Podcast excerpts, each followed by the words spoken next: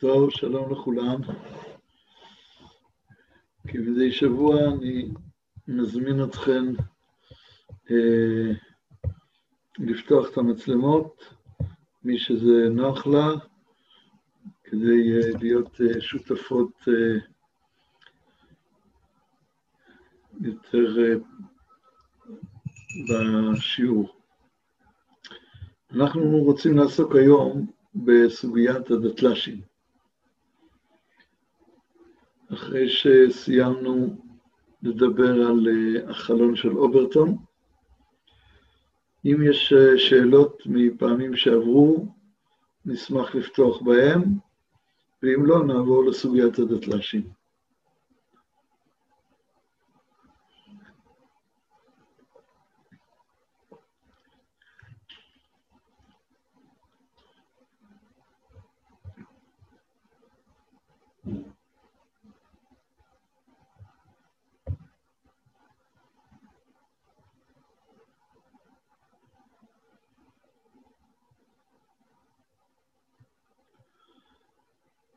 טוב, אני רואה שכרגע אין שאלה, למרות שככל הנראה, מה שאני מבין הוא שבעצם אתם יכולות לכתוב רק בצ'אט, כי המיוט סגור. אז אם נראה משהו בצ'אט, טוב, אם לא, זה בסדר גמור גם כן. אני רוצה לפתוח היום את סוגיית הדתל"שים. סוגיית הדתל"שים בעיניי היא סוגיה מרכזית בחינוך הדור הבא, ואני לא אה, מרגיש שאני מגזים אפילו במעט אם אני אוסיף ה' הידיעה לפני המילה מרכזית. כלומר, זו הסוגיה המרכזית בחינוך הדור הבא. כי כשאנחנו מחנכים בת באולפנה, אתם תהיו מחנכות בעזרת השם ביסודי, והיא בוערת בעבודת השם, היא מתפללת בשפיכת הלב, היא עושה כל מצווה בשמחה ובדבקות. זה עדיין לא אומר שהצלחנו בחינוך. אם היא תוריד את הכיפה או תפסיק לסרוג אותה, לא משנה איך נקרא לזה כלפי בנות, בהיותה בגיל 25. האם קורה בדורנו שבנות צדיקות וקדושות וטהורות, שנתנו את כל ליבם לעבודת השם, בכנות וביושר, בגיל צעיר, הגיעו לגיל מבוגר יותר, ופתאום עזבו את הכל? יש פה אחת שלא מכירה מישהי כזאת? נדמה לי שכולנו יודעים שסביבנו יש תופעות כאלה. גם אצל הכי בוערות בעבודת השם. לומדות תורה בהתמדה, שומעות שיעורים של הרבניות הכי חשובות ויקרות, ובאיזשהו שלב, בגלל מה שהחיים מזמנים להם, ונכון, יש פה הערה בצ'אט, שהרווקות המבוגרת היא פקטור מאוד מאוד משמעותי בעניין הזה, ובעצם יש שני פקטורים מאוד מאוד משמעותיים בעניין הזה. אחד זה הרווקות המבוגרת, והשנייה זה עולם האקדמיה. נכון שגם מקום העבודה הוא כזה, נכון שזה קורה לפעמים גם לנישואים, לנישואים, נכון שזה קורה גם לפעמים בגיל יותר צעיר, נכון, אבל שני המקומות שבהם זה מתרחש בצורה הכי חריפה, זה רווקות מבוגרת ואקדמיה. ואחרי זה מקום עבודה אולי, וכולי. אבל למה זה קורה בגיל יותר מבוגר, שזה קשור מאוד לדיוננו? כלומר, אם אנחנו רוצים לדבר על חינוך בדור סוער, אנחנו צריכים לזהות איפה המכשלות הכבדות ביותר. והאקדמיה ורווקות מבוגרת זה המכשלות הכבדות ביותר, צריך לזהות אותן. והפתרון לזה, או להימנע מהאקדמיה ליתר ביטחון, או להישמר על ידי כמה וכמה שומרים בתוך האקדמיה, ואולי אם תזכירו לי נעסוק בזה בהמשך, אני לא רוצה להיכנס לזה עכשיו. אולי תהיה פה מישהי שמוכנה לרשום לנו את כל השאלות שלו תוך כדי, שבהמשך השיעורים אנחנו אמורים לעסוק בהם. אז דבר אחד זה שאנחנו, כדאי שנלמד, מי, מי, מי יכולה לקחת על עצמה לרשום שאצלה מרוכז כל הנושאים שאנחנו רוצים עוד לעסוק בהם בהמשך, אולי עם היד... אה,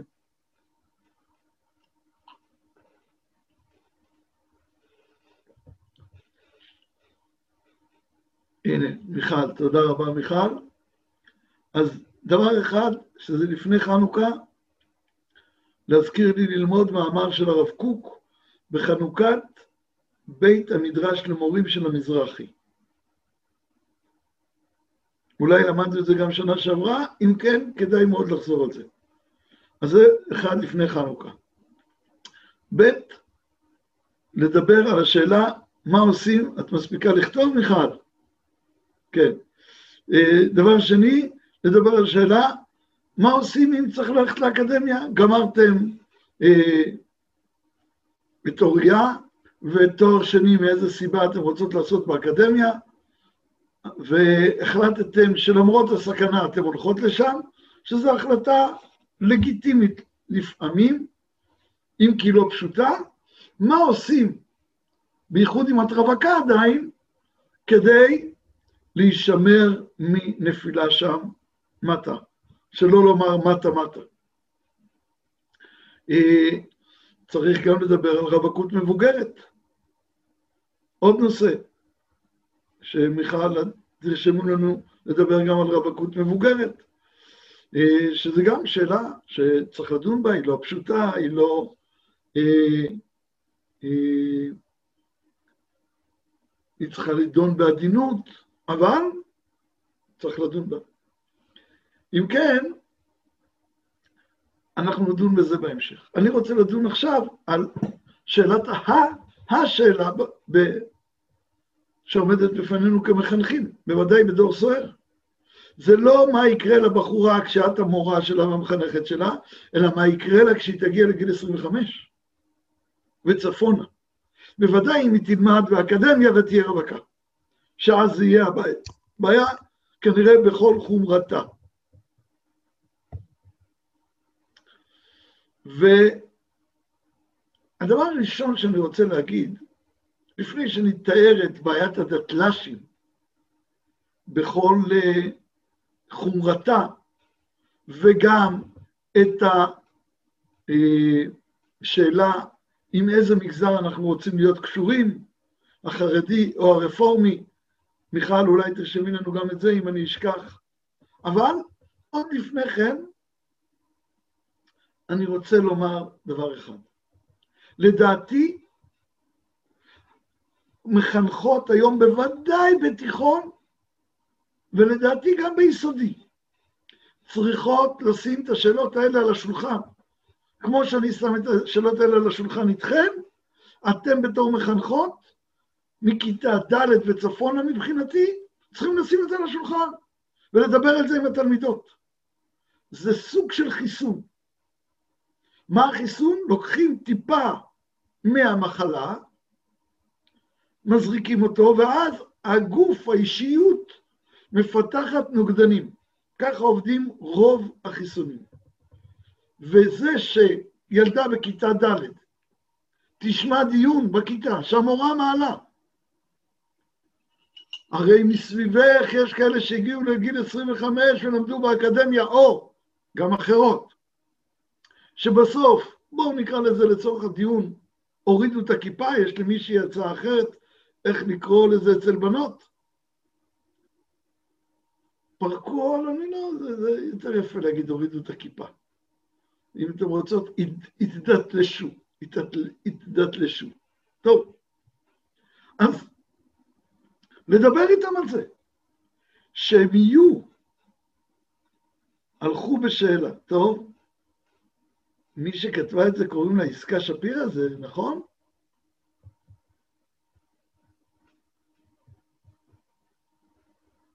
נכון, טוב, יש לי בת כזאת. מעודי לא שמעתי, חוץ מהבת שלי, עוד עסקה שפירא. אתם שפירא כהנא, כהנים? אה, אפילו את מכירה. טוב, לא ידעתי שיש אה, ארבע כאלה. וואו, זה חידוש. בסדר, תודה רבה לעסקה על המידע החשוב. אה, אז בואו, אה, יצאו בשאלה נקרא לזה. אז לשים על השולחן את הדיון הזה בכיתה ד', זה יגרום לבנות להגיד, רגע, רגע, רגע, וואי, יש פה סכנה. לתת להם את המספרים זה לחדד את הסכנה. וזה בעיניי חלק מהחיסון שאנחנו חייבים לתת לדור הבא. אני מדבר על זה בהרבה מאוד פורומים, כדי לחסן את הציבור, שהוא יראה שיש פה סכנה גדולה ויעמוד בעמדה לפחות נזהרת, נשמרת, חושבת. מה אני עושה עם זה? אנחנו נדבר גם מה אנחנו עושים עם זה. וזה לא פשוט. אבל לפני השאלה מה אנחנו עושים עם זה, אני רוצה לדון בזה. יש פה תופעה בואו נדבר עליה. בואו נתחסן ממנה. וזה לא דבר פשוט היום. היה לי כאן קצת שאלות. אה, הנה, גם בשירות לאומי, בלי הגנה של האולפנה, נכון, גם בעבודה, כל זה נכון. אמרנו את הדברים האלה, זה הרבה פעמים שאומרים חצי חצי. עושים מה שנוח, ואז הופכים את החוזרת בתשובה. אני לדוסית התורנית מול מלא שהגיעו מבית דתי.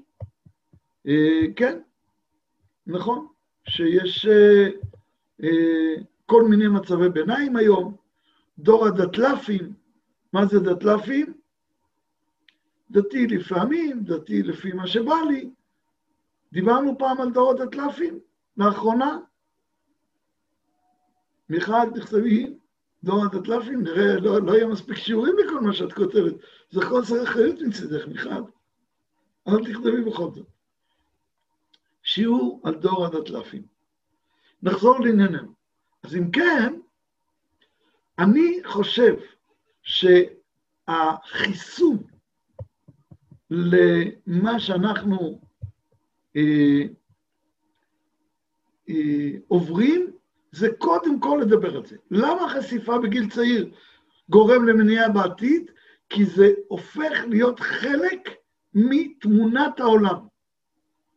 היום גדלות בנות ביסודי, גם תורני, ובאולפנות מצוינות, כשבתמונת העולם שלהן הן יודעות על זה מרחוק, אבל זה לא חלק משאלה חינוכית. איך תגדלו באופן שתוכלו לעמוד מול הסכנה הזאת? אין את השאלה הזאת בתוכה. ואם יש, זה בכל ענות חלושה. אבל אם אנחנו נצליח להעצים את הרמקול, את הווליום של השאלה, איך אני נזהרת כל כולי, נשמרת, שלא להגיע למצב, חלילה, שאני ארד מהדרך, הנה זה קרה לחברות, הנה זה קרה לאחיות הגדולות של חברות. הנה זה קרה לצדיקות. איך אני אדאג שזה לא יקרה לי? זאת לא שאלה חינוכית, זאת השאלה החינוכית למי שנמצאת בסכנה. האם כולנו בסכנה? תגידו אתם. האם זה קורה גם בבתים טובים, באולפנות נהדרות, במשפחות תורניות? מה האמת? כן, אז האם יש מישהו שיכול להגיד, אני לא בסכנה? ומי שבסכנה צריך ללכת עם תמונת מבט בהירה, אני בסכנה. וכשהוא ילך עם תמונת מבט בהירה כזאת, כל פעם שיגיע לצומת, אז הוא יגיד, רגע, רגע, רגע, אני בסכנה, מה אני עושה בצומת הזאת? ואפילו אם הוא הולך למקום שהוא יותר מסוכן באותה צומת, והוא מכריע שמפני סיבות כאלה או אחרות, ואולי הוא יתייעץ. ואני לא אומר שתמיד ההכרעה נכונה ללכת למקום סכנה. אבל גם אם הוא הלך למקום סכנה, וזאת הייתה התשובה הנכונה, אבל הוא צריך לדעת איזה הגנות לקחת איתו כדי להימנע מאפשרות של נפילה. אני אתן לכם דוגמה אחת, אבל מיכל עוד תזכיר לנו לעסוק בזה באריכות, אולי כבר בשיעור הבא. עד חנוכה יש לנו יותר משיעור אחד, נכון? בחמישי שערב חנוכה זה עוד שבועיים, יש לימודים.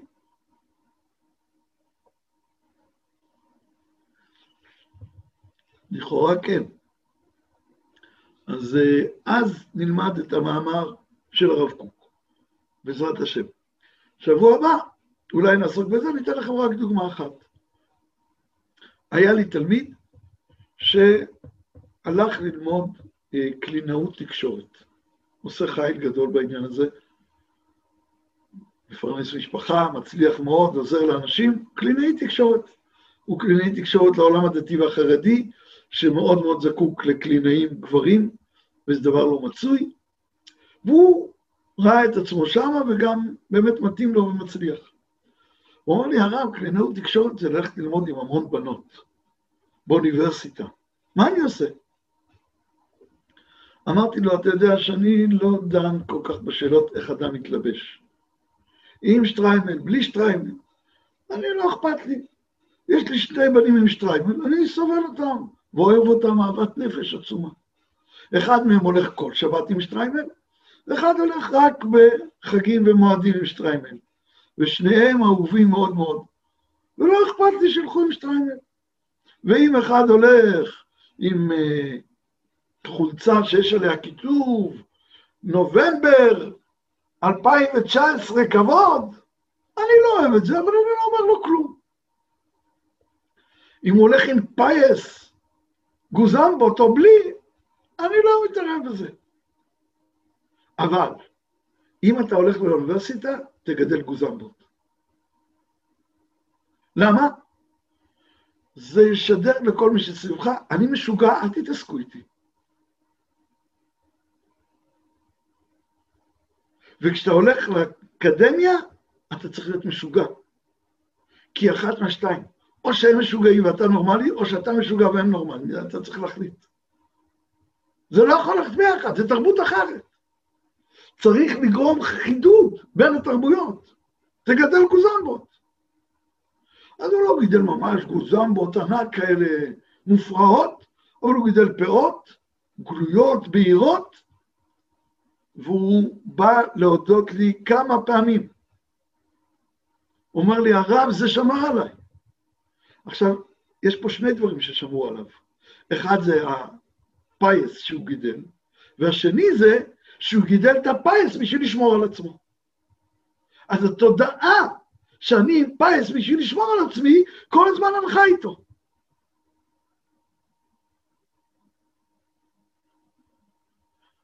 נדון בזה בשבוע הבא, בעזרת השם אחד תזכיר לנו. אבל עכשיו נחזור לענייננו. אני רוצה, אחרי שאמרנו שחשוב מאוד מאוד לדבר על זה, רגע, רק... Uh, אה, נראה אם יש לנו עוד... אה, החשיפה יכולה לגרום לרצון להיחשף יותר, ואז הפסדנו את העניין. אה, א', כל העולם עוסק היום בשאלה של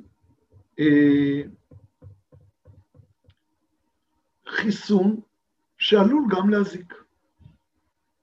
יש סכנה. אני מסכים עם השואלת אמונה שיש סכנה כזאת. זה עלול גם להזיק, נכון, אבל הווה שוקל, שכר מצווה כנגד הפסדה. אם אני מחסן הרבה, וחלק אומרים, אז רגע, אני רוצה גם לראות את זה, אבל הם באים מתוך עמדה אחרת כשהם הולכים לראות.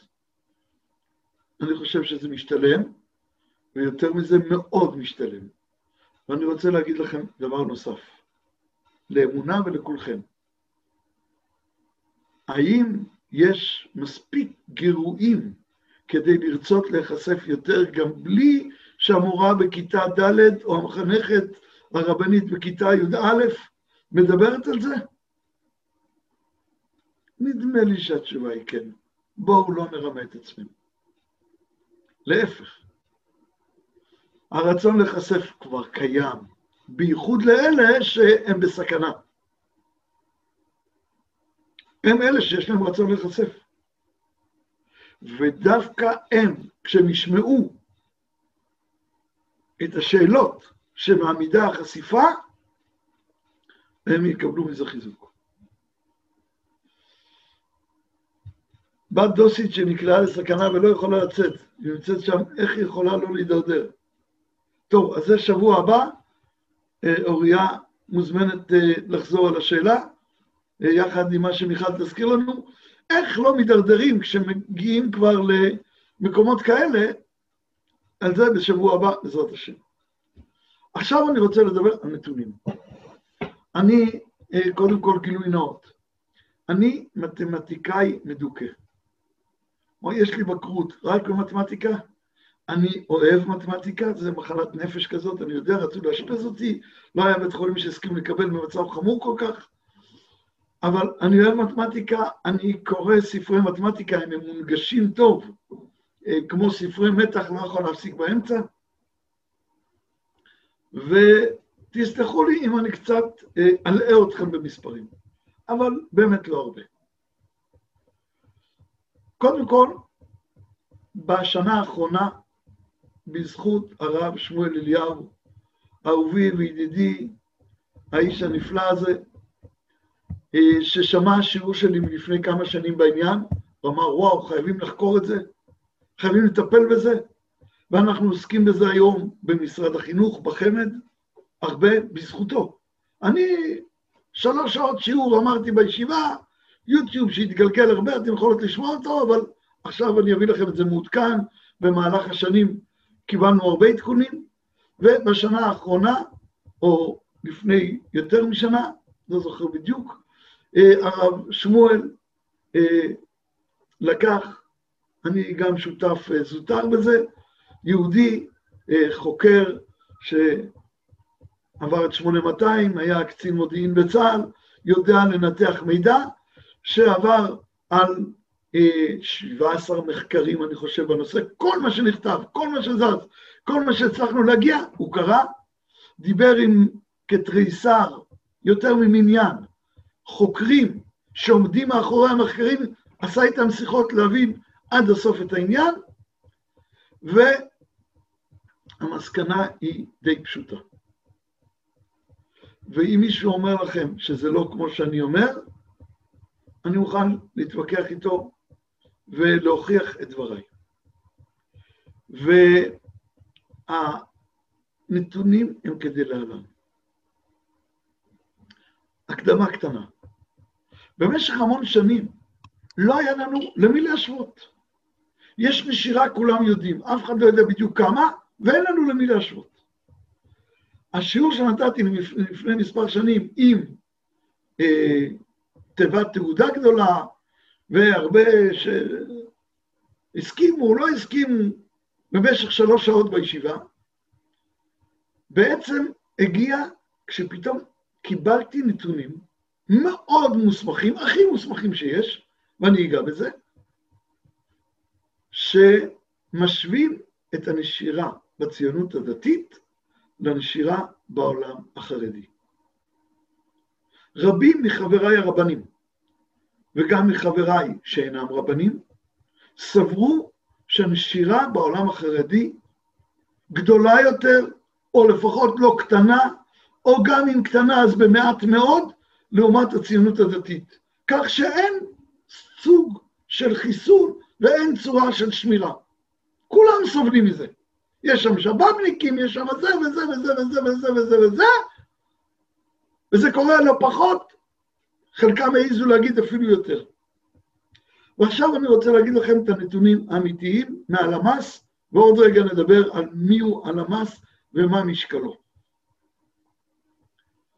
הלמ"ס זה ראשי תיבות, לשכה מרכזית סטטיסטיקה. של מדינת ישראל זה גוף אה, ממלכתי.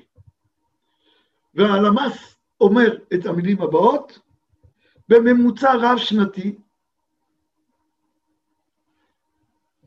על כל נושר חרדי, או לענייננו כרגע נושרת חרדית, בציונות הדתית נושרים שישה. פי שש בממוצע רב-שנתי. לא פי אחד וחצי, לא פי שניים, פי שש. כלומר, יש דרך שמצליחה לידינו. אם בתי ספר חילוניים היו מצליחים ב-20% יותר, ב-40% יותר, באנגלית מאשר אצלנו, כל האחראים האנגלית היו רוצים אליהם, תלמדו אותנו איך עושים את זה. אני צודק או שאני הזוי? אמרתי את זה במשרד החינוך אין סוף פעמים, אף פעם אף אחד לא אמר לי, מה פתאום, זה לא נכון, לא היינו הולכים אליהם. ברור שהולכים אליהם. אתה רוצה להשתפר, אתה הולך ממי? ללמוד ממי שיודע איך לעשות את זה יותר טוב ממך. שכל פשוט. מה זה, צריך להיות אקדמאי בשביל זה? לפעמים, אפילו אקדמאים מבינים את זה. לפעמים דווקא אקדמאים, כל אחד לפי מה שהוא חושב על אקדמאים. אין לי בגרות, אז אני חופשי וגמיש. אז אם כן, האמירה הזאת, שיש מישהו לידינו, פי שש יותר טוב מאיתנו. אנחנו עומדים היום על 40 פסיק משהו, והם על שישה, שבעה אחוזים של נשירה. קבוע, שנים, שנים. נכון, היינו ב-48. במשך כעשר שנים ירדנו מ-48 ל-41 בערך. מאוד משמעותי, מאוד מרשים, מאוד משמח, צריך להגיד את זה. ולהודות להשם ולהלל ולשבח שזכינו שהציבור שלנו מבריא. ובצורה מאוד מרשימה. אבל עדיין פי שש בממוצע רב-שנתי. נסתכל רגע על הצ'אטים. אה, איך אני יודע מה כבר ענינו? יש, יש לי איזה דרך? טוב. אה, לתת כלים לחזור, לשמור על עצמנו, לחזק את עצמנו, בעזרת השם, שבוע הבא אמרנו. איך מנטרלים את הסיפור האישי? כנראה פעמים הדיבור הוא שזה הסיפור האישי של האדם עצמו, ואז בעצם אין בכלל על מה לדון. הסטטיסטיקות מנטרלות את הסיפור האישי. כי לכל הציונים הדתיים יש סיפור אישי אחד, ולכל החרדים סיפור, סיפור אישי אחר, אז אולי אנחנו צריכים בהחלט לשנות את הסיפור האישי שלנו. האם אני מתכוון להיות חרדי? אני רוצה לענות לזה לפני שאני ממשיך מהשאלה של עסקה, הפעמים. אני רוצה לענות על זה. א', אני אומר לכם את האמת, יש לי הרבה יצר הרע כזה. יש לי המון יצר הרע להיות חרדי. להחליף את הכיפה לכיפה שחורה, ללבוש מעיל עליון ארוך, שטריימל בשבת, יש לי המון יצר הרע כזה, אבל אני מתגבר עליו. זה לא היצר הרע היחידי שאני מתגבר עליו. אבל אני מאחל לכם שגם לכם יהיה יצר הרע כזה. ואני מאחל גם לכם שתתגברו עליו. זה אחד מהיצר הרע הכי נפלאים שיש לי. הלוואי שכל יצר הרע שלי ייראה כך. לצערי, יש לי יצר הרע גם מסוגים הרבה יותר שפלים. למה אני אתגבר על זה? בגלל שמעשה השם הגדול והנורא של גאולת ישראל, שהוא מעשה יותר גדול מיציאת מצרים. מיכל, תרשמי לנו לדבר למה הגאולה היום יותר גדולה מיציאת מצרים. לפחות לקראת פסח או יום העצמאות נדבר על זה. בעזרת השם. אז תודה רבה, מיכל, על כל סיוע במהלך הדרך. אז מעשה השם הגדול והנורא, שיותר מיציאת מצרים, פסוק מפורש בירמיהו, לא יאמר חי השם אשר עלה אתכם מארץ מצרים, כי חי השם אשר עלה ואשר קיבץ את בית ישראל מכל הארצות אשר נפוצו שם. אני לא אומר מילה במילה, אבל קרוב. אני יכול לכפור בו, ובכל השלכותיו, ובמורנו ורבנו מאור עינינו, מרן הרב קוק, שהראה לנו את הדרך, איך בגאולה צריכים ללכת עם כל האחיזה, ביראת שמיים, באהבת השם, בדבקות אלוקית, בשיפולי גלימתם של כל רבותינו, ולהבין את מעשה השם הגדול והנורא ואיך נוהגים בו, אני לא יכול לעזוב את זה. אני לא עושה שקר בנפשי. יכול להיות ששטריימל לא, לא סותר את זה. אבל אני אגיד לכם את האמת, ניסיתי ללבוש שטריימל, זה עושה כאלה פסים על המצח, אני לא אוהב את זה. אולי אם זה לא יעשה פסים על המצח, לא יודע. אני מאוד אוהב שטריימל, אבל, אה, אבל לא כשזה עליי על הראש, אני לא סובל. טוב, אני מקווה שאתן מצליחות לתמרן בין בדיחות הדעת והרצינות של דבריי. כי אני מצד אחד מאוד מאוד רציני, ומצד שני אוהב את הרצינות בבדיחות הדעת, ומאחל לכם תמרון נעים ביניהם. הלאה. האם זה קשור לעובדה שהגדרת הדתי הרבה יותר רחבה מהגדרת החרדי? אה, בוודאי. בוודאי. ואולי עוד נדבר על זה, מיכל בוודאי תרשום לנו את זה עכשיו, נדבר על מה אנחנו יכולים ללמוד מהחרדים, ואיך אנחנו עושים את זה. אז בסדר, נשאיר את הנושא הזה הלאה. השאלה היא בסקר היא למה קוראים יוצא בציבור הדתי, מי שהופך לדתל"ש או לדתי לפי דעתי. התשובה היא שבסקר של הלמ"ס יש חמש אפשרויות לענות, או דתי, סליחה, או חרדי, או דתי, או מסורתי דתי, או מסורתי חילוני, או חילוני. זה החמש. לא פחות ולא יותר, בדיוק. על זה אנחנו מדברים. האם מסורתי דתי זה הכוונה לדתל"ף, כן או לא? אצל חלק כן, אצל חלק לא, אצל חלק זה יותר טוב, אצל חלק פחות טוב, אני לא יודע. אנחנו צריכים לעבוד לפי הנתונים שיש לנו, זה הרבה יותר קל מאשר לשאול איך לתרגם את זה לנתונים אחרים. הנתונים שיש לנו הם פשוטים, הם מדברים על חמש אפשרויות בלמ"ס.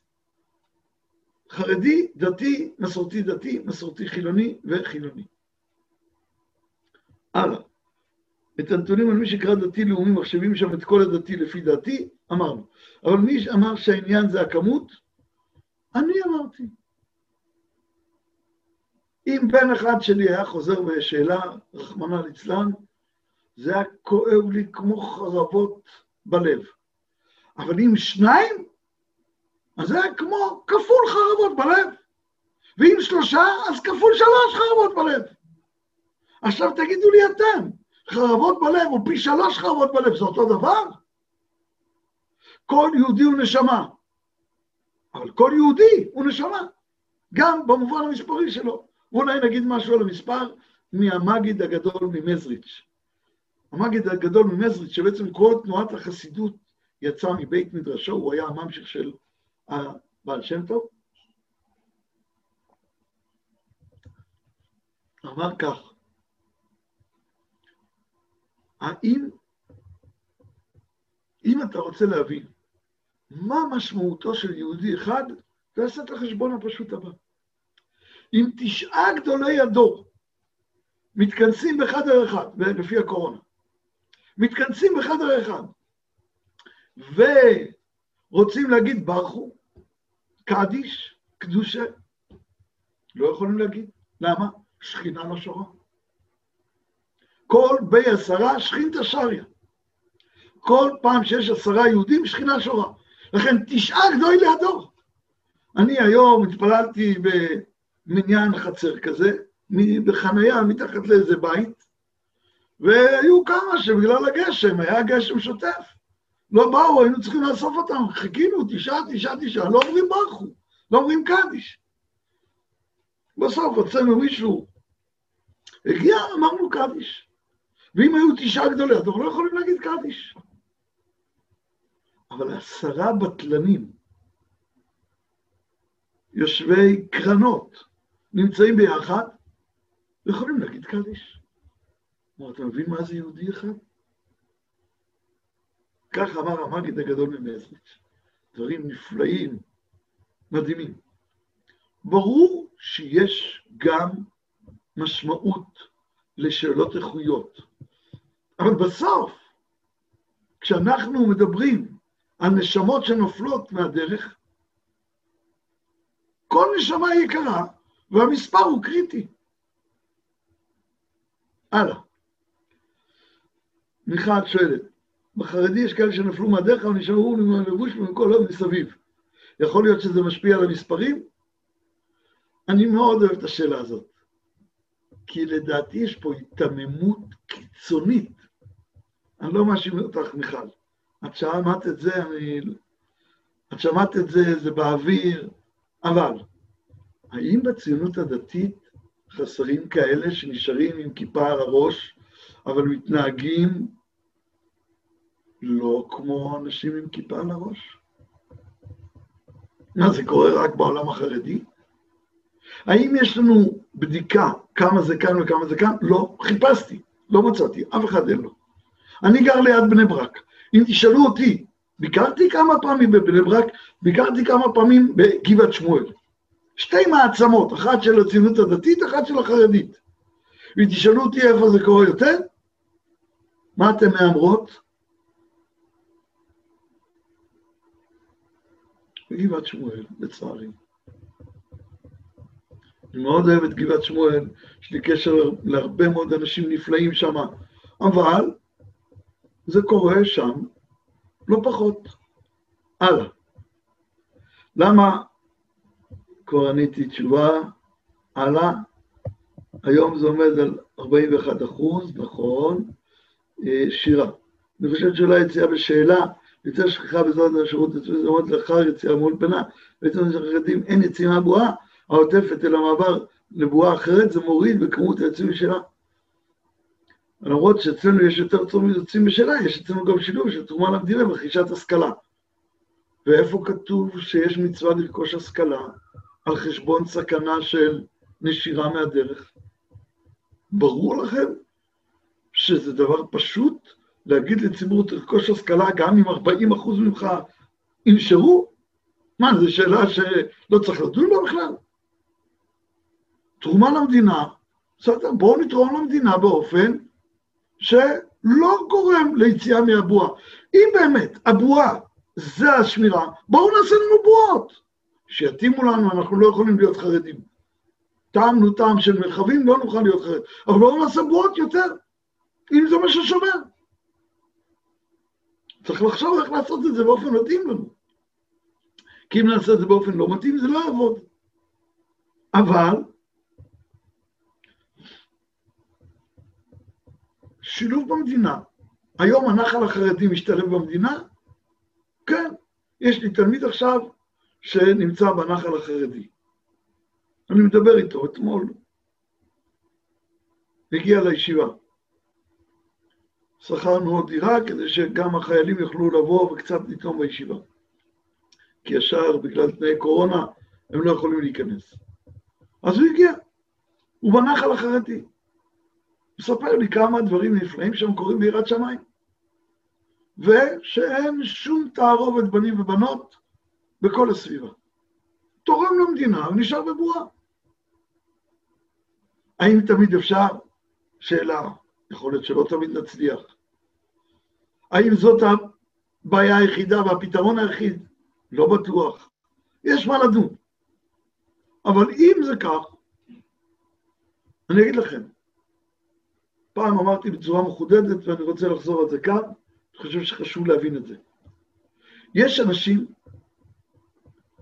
שבעשרת הדיברות שלהם יש עוד דיבר 11. אבל הוא לא מספר 11, הוא מספר 1. לפני אנוכי, ולא יהיה לך, יש לו עוד דיבר. מה הדיבר? פתיחות. אני בדקתי כל פעם, אני הולך עוד ספר תורה ועוד ספר תורה, לבדוק האם יש דיבר כזה. אין, אני אומר לכם אין. פתיחות זה לא מצווה מדאורייתא. ומה שאני גיליתי, שלמרבה הפלא, בניגוד לכל מה ששמעתי המוני פעמים, שדווקא הפתיחות היא המחזקת, אני גיליתי שפתיחות פותחת וסגרגות ושמירה שומרת. זה מה שאני גיליתי. האם אני אוהב פתיחות? כן. בבית של ההורים שלי היה כל הספרים, פסיכולוגיה, פילוסופיה, ספרות, אומנות, הכל. וקראתי הכל. ואני אוהב פתיחות, אני מת על פתיחות. ואני מתחלחל מהרגע שנצטרך לסגור יותר. אבל, למען שמו יתברך, אני מוכן גם את זה.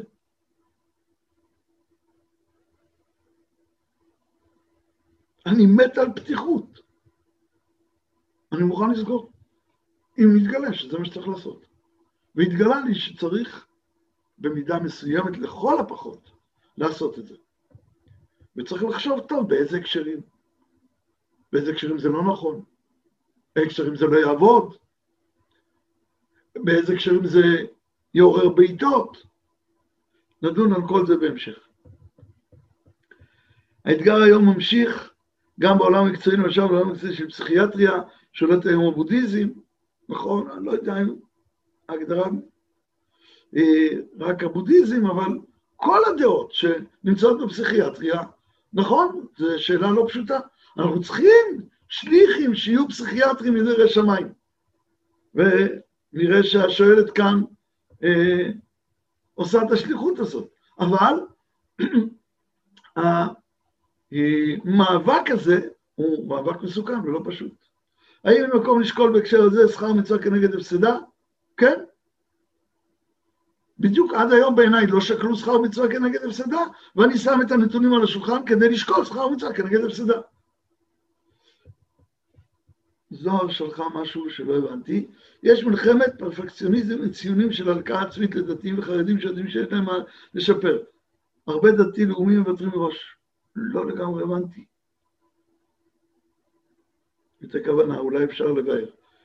אז למה בכל זאת להיות דתיים ולא חרדים חשוב לנו ציונים ציונים, יש לנו הגדרה חדשה של חרדי לאומי. המילה חרדי בכלל, אני לא אוהב אותה כל כך, והיא גם קצת סותרת את הציונות. הציונות היא המעבר מיראה לאהבה. אז ציוני חרדי זה בעיניי סתירה עמוקה. אבל הייתי אומר, אוהב לאומי, אוהב השם לאומי. מצוין. לזה אני שייך. האם זה הולך עם שטריים או לא? לא, מה אכפת לי? עם שטריימל גם בסדר, בלי שטריימל גם בסדר. כל אחת שתבחר לעצמה אם היא רוצה לגבור שטריימל או לא. אה, למה אז יש אידיאל גדול לגברים ללכת לצבא ולא במסגרת חרדית? טוב, צבא זה מצווה רבה. אני אספר לכם סיפור. עוד לא הגענו לכל המספרים, אבל מיכל תזכיר לנו בעזרת השם עוד לדון במספרים, אם לא נזכיר לזה. איפה היא נעלמה לי מה... אה, נמצאת. אה, אז אה, להמשיך לדון במספרים, זה הדבר הראשון שצריך לעשות. אז אה, לא ידעת שזה כל כך הרבה עבודה, מיכל, אני מקווה שאת עומדת בעומס. נחזור. אז אני אספר לכם סיפור שהיה לי בשיחה עם חסיד צאנז. חסיד צאנז בא אליי בטענה, איך אתם הולכים לצבא? אמר, מה זה איך אנחנו הולכים לצבא? מצווה עצומה. הוא אומר, כן, אבל יש בעיית פריצות. אומר, טוב, אז לפחות תלכו לנחל החרדי, שם אין בעיית פריצות. אבל הוא שואל, אבל אתם איך הולכים למקום שיש בעיית פריצות? אמרתי לו, א', אנחנו משתדלים להימנע. ואם יש קצת, הוא אומר לי, נו, אמרתי לו, תשמע, אתה חסיד צאנז? הוא אומר לי, כן, בגאווה גדולה. זה באמת גאווה גדולה להיות חסיד צאנז, גם בעיניי. חסידות נפלאה מאוד. אמרתי לו, תגיד לי, אצלכם שם בשכונה בנתניה יש בית חולים? כן. אמרתי לו, אתה יודע שאשתי ובנותיי וכלותיי, לא כולם, אבל חלק גדול מהם, ילדו שם את אה, בניי ונכדיי? הוא לא. אמרתי לו, אני מבקר הרבה בלניאדו, ברוך השם. והוא אומר לי, נו, אמרתי לו, תשמע, יש שם בעיות צניעות יותר גדולות מהצבא. יש שם המון חילוניות. זה מחלקת יולדות, זה לא מקום פשוט. ויש שם בעיות צניעות. איך חסידות צדיקה כמו שלכם מחזיקה בית חולים? ועוד מאפשרת לחילונים להיכנס לשם. ובעיניי ראיתי כמה אברכים מסתובבים שם, כי נשותיהם ילדו. אז מה אתה רוצה שיעשו? אמרתי לו, אני לא מבין את השאלה, מה, מה זה? הרי יש בעיית צניעות, אתה אומר שאיפה שיש צניעות, אסור ללכת. הוא אומר, אבל זה פיקוח נפש. אמרתי לו, ישמעו אוזניך מה שפיך מדבר. פיקוח נפש של אישה אחת ושל בנה או בתה, זה בעיניך מספיק בשביל שאברכים טהורים וקדושים ילכו למקום שיש בו בעיית צניעות. ואומה שלמה, אומה אלוקית, בני בכורי ישראל, נמצא בפיקוח נפש, זה לא מספיק. איבדתם את דעתכם?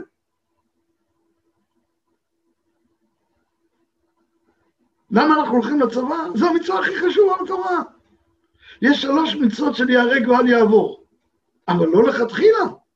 אדם אסור לו להכניס את עצמו למקום שבו גוי יגיד לו שאתה משתחרר לפסל או שאני הורג אותך. אסור להיכנס לזה. אבל במלחמה, גם אם יש סכנת הריגה, אנחנו הולכים להילחם. המצווה הכי חשובה בתורה. לכן אנחנו הולכים. וזה בדיוק חלק מהבעיה שלי מללמוד שטריימל. כי ללמוד שטריימל זה להשכיח ממני את גודל ערך המצווה העליונה והנשגבה של העמדת האומה הישראלית. העמדת בן לקדוש ברוך הוא בארץ, בני בכור ישראל. ומה שמעמיד את האומה זה הצבא. אין עמידה לאומה בלי צבא.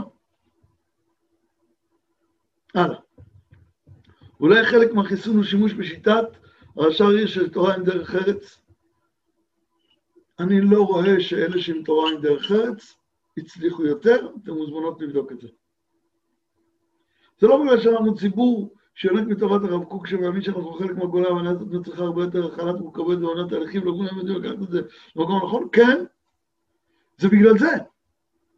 אבל בגלל זה טעינו והלכנו באמת למקומות לא נכונים. ומה שאני מרגיש תפקידי לזעוק עכשיו, זה רבותיי, הגענו למקומות לא נכונים. אספר לכם סיפור. אני נלחם הרבה על הנושא הזה, וגם חוטף הרבה.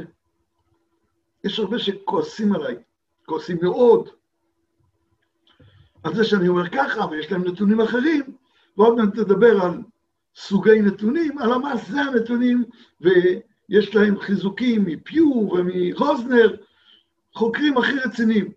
ויש מחקר אחד שלא מסכים להראות את הנתונים שלו, שהוזמן על ידי החמ"ד בכסף מלא, עם קרבה משפחתית, והוא אומר שהוא הכי נאמן והכי מדויק. טוב. ומה התוצאות שלו?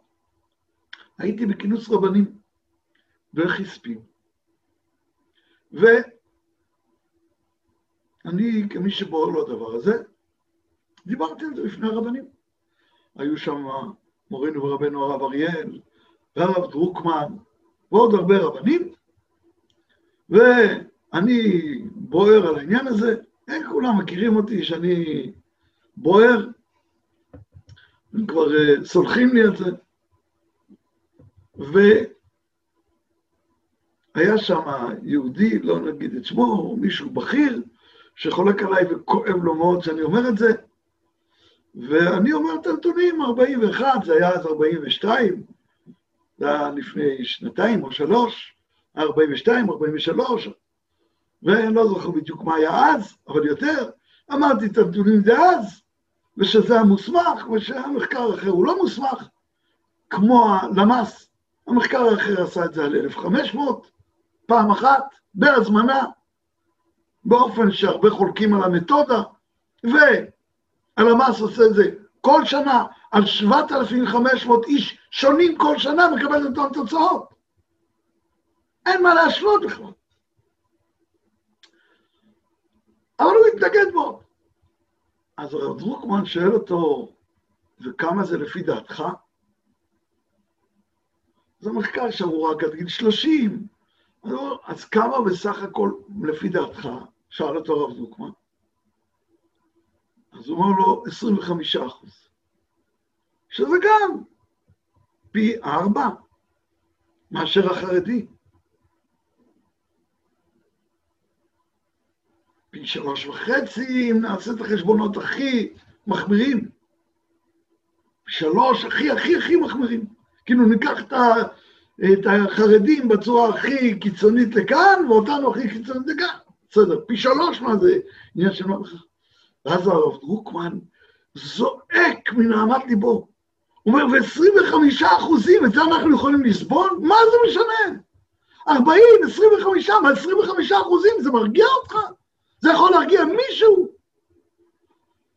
וואו, הרגשתי כמו מים קרים הנפש עייפה.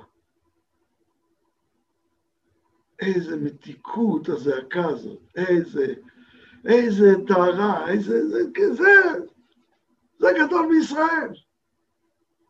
זה נעמת ליבו.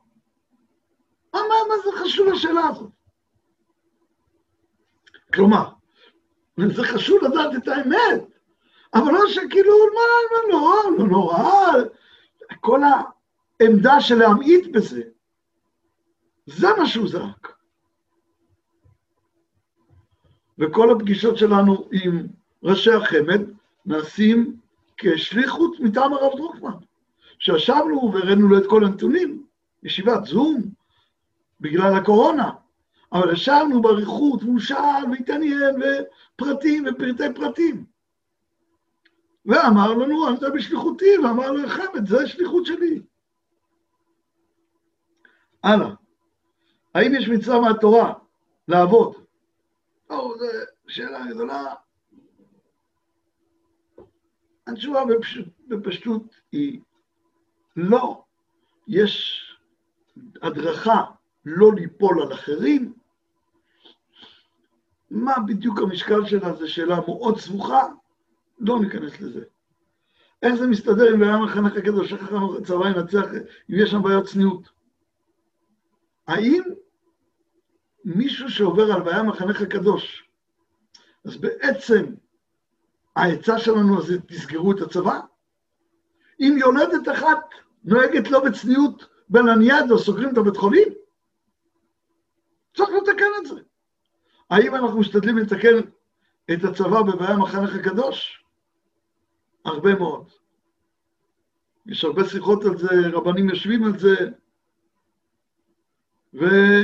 ומשתדלים מאוד לתקן בעיה מחנך הקדוש. האם יכול להיות שאפשר לתקן יותר? יכול להיות. עוסקים הרבה בלתקן בעם החנך הקדוש, יש אנשים שזה המקצוע שלהם, זה המלכויות שלהם, לראות איך אפשר לתקן בצבא, שיהיה יותר בעם החנך הקדוש. אבל, להגיע מכאן למסקנה, שהצבא צריך להיסגר כי יש בו איזה חטא, זה בכלל לא יעלה על הדעת. שאלה אחרונה שאני עונה לדניאלה, ואחרי זה אני רוצה לזכור בכמה מילים. אתה יכול להיות במספר ראשון, טוב, שוב, דניאל הזה בעזרת השם בשבוע הבא. מיכל תזכיר לנו. Uh, עכשיו אני רוצה לסגור בכמה מילים.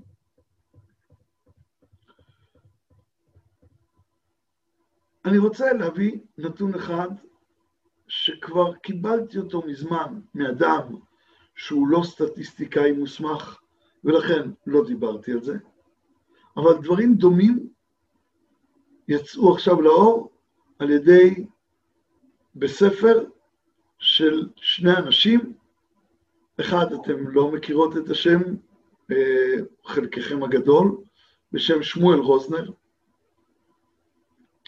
דתל"ש בפני עצמו, והשני זה, דרך אגב, אנחנו גם שליחים של הרב אריאל. הזכרתי את הרב דרוקמן בגלל אותה נעמה אבל הרב אריאל שותף וראה גם הוא את כל הנתונים ועוד אחרים. אה, שלא יובן לא נכון חלילה. אז הוא אפילו היה איתנו בפגישה ב... במשרד החינוך.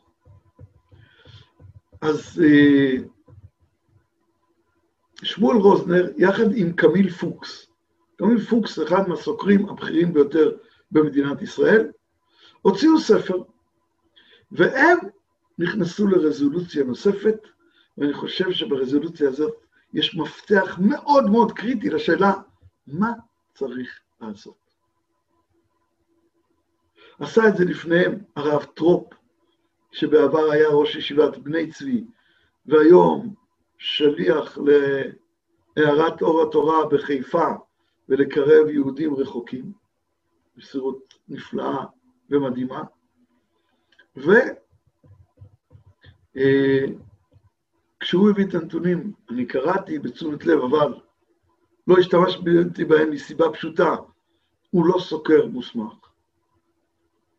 אז אני לא רציתי להביא נתונים כאלה, אבל כששמואל רוזנר וקמיל פוקס, בסקר רציני, מחקר רציני, הביאו את אותם נתונים בקירוב, אז עכשיו אני שם את זה על השולחן. פרט מאוד מאוד חשוב. רוזנר פוקס חילקו את הציונות הדתית לשלושה חלקים. לאחד הם קראו חרד"לים, לאחד הם קראו מיינסטרים נדמה לי, או ה... לא זוכר, ולאחד הם קראו ליברלי.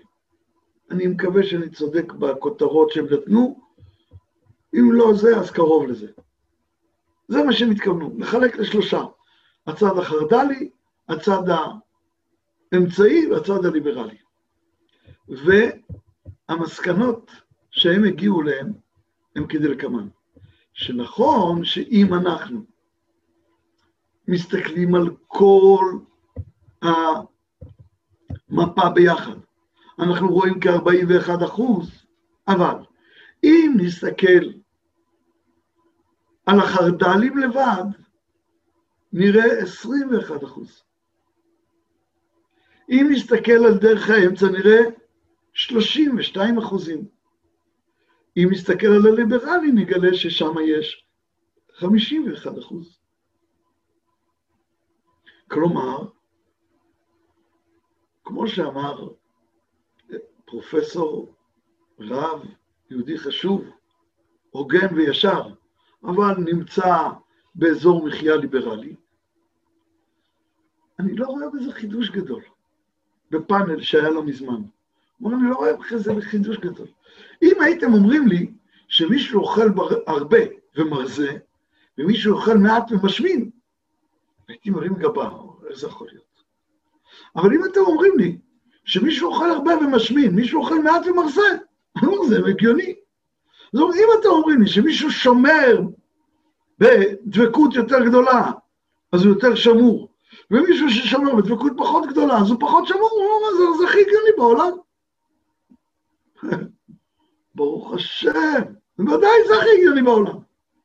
מסקנה, אם אתה רוצה לעסוק בדבר שהוא עיקר החינוך, העניין העיקרי בחינוך, כלומר, מה יקרה עם הדור הבא בגיל 25?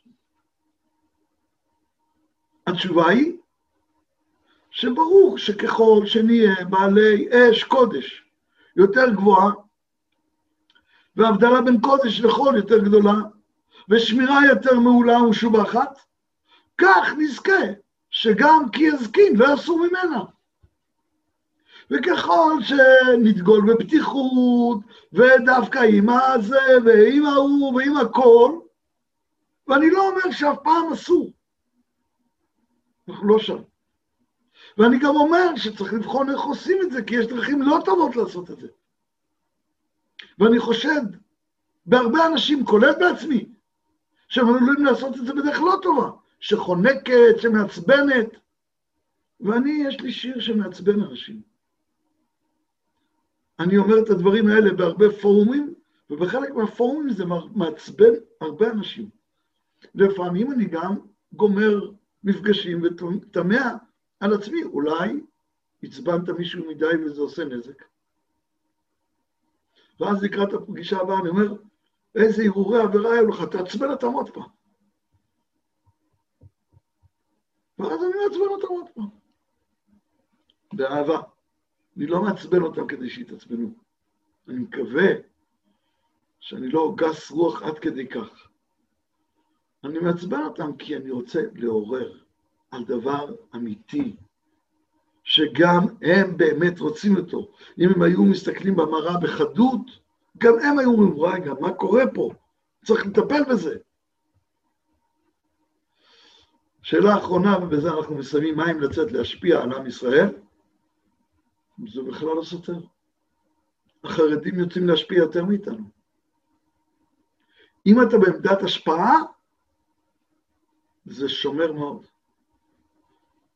מי שמומחה בזה הכי זה חסידי חב"ד, תשאלו את חסידי חב"ד, האם השליחים שלחו למקומות נוראים? יש לי חבר מאוד מאוד טוב, יהודי יקר באופן מופלא, הרב נחמיה ויללן, שליח לתאילנד, חבר יקר יקר, כמו אחים אהובים. והוא גידל ילדים בתאילנד, ואתם יודעים איזה טומאה יש בתאילנד. איזה זוהמה של אריות. והילדים שלו יוצאים צדיקים. וידוע בחב"ד שהילדים של השליחים יוצאים הצדיקים הכי גדולים, ואלה ששליחים במקומות יותר קשים, צדיקים יותר גדולים. השפעה זה משהו אחר לגמרי. השתלבות מפילה, השפעה מרוממת. תודה רבה לכם, אני מקווה שלא עצבנתי אתכם יותר מדי, אבל חלקכם נראה לי חייך ונהנה במקומות הנכונים ושיתף פעולה סביר. תודה רבה רבה לכולם.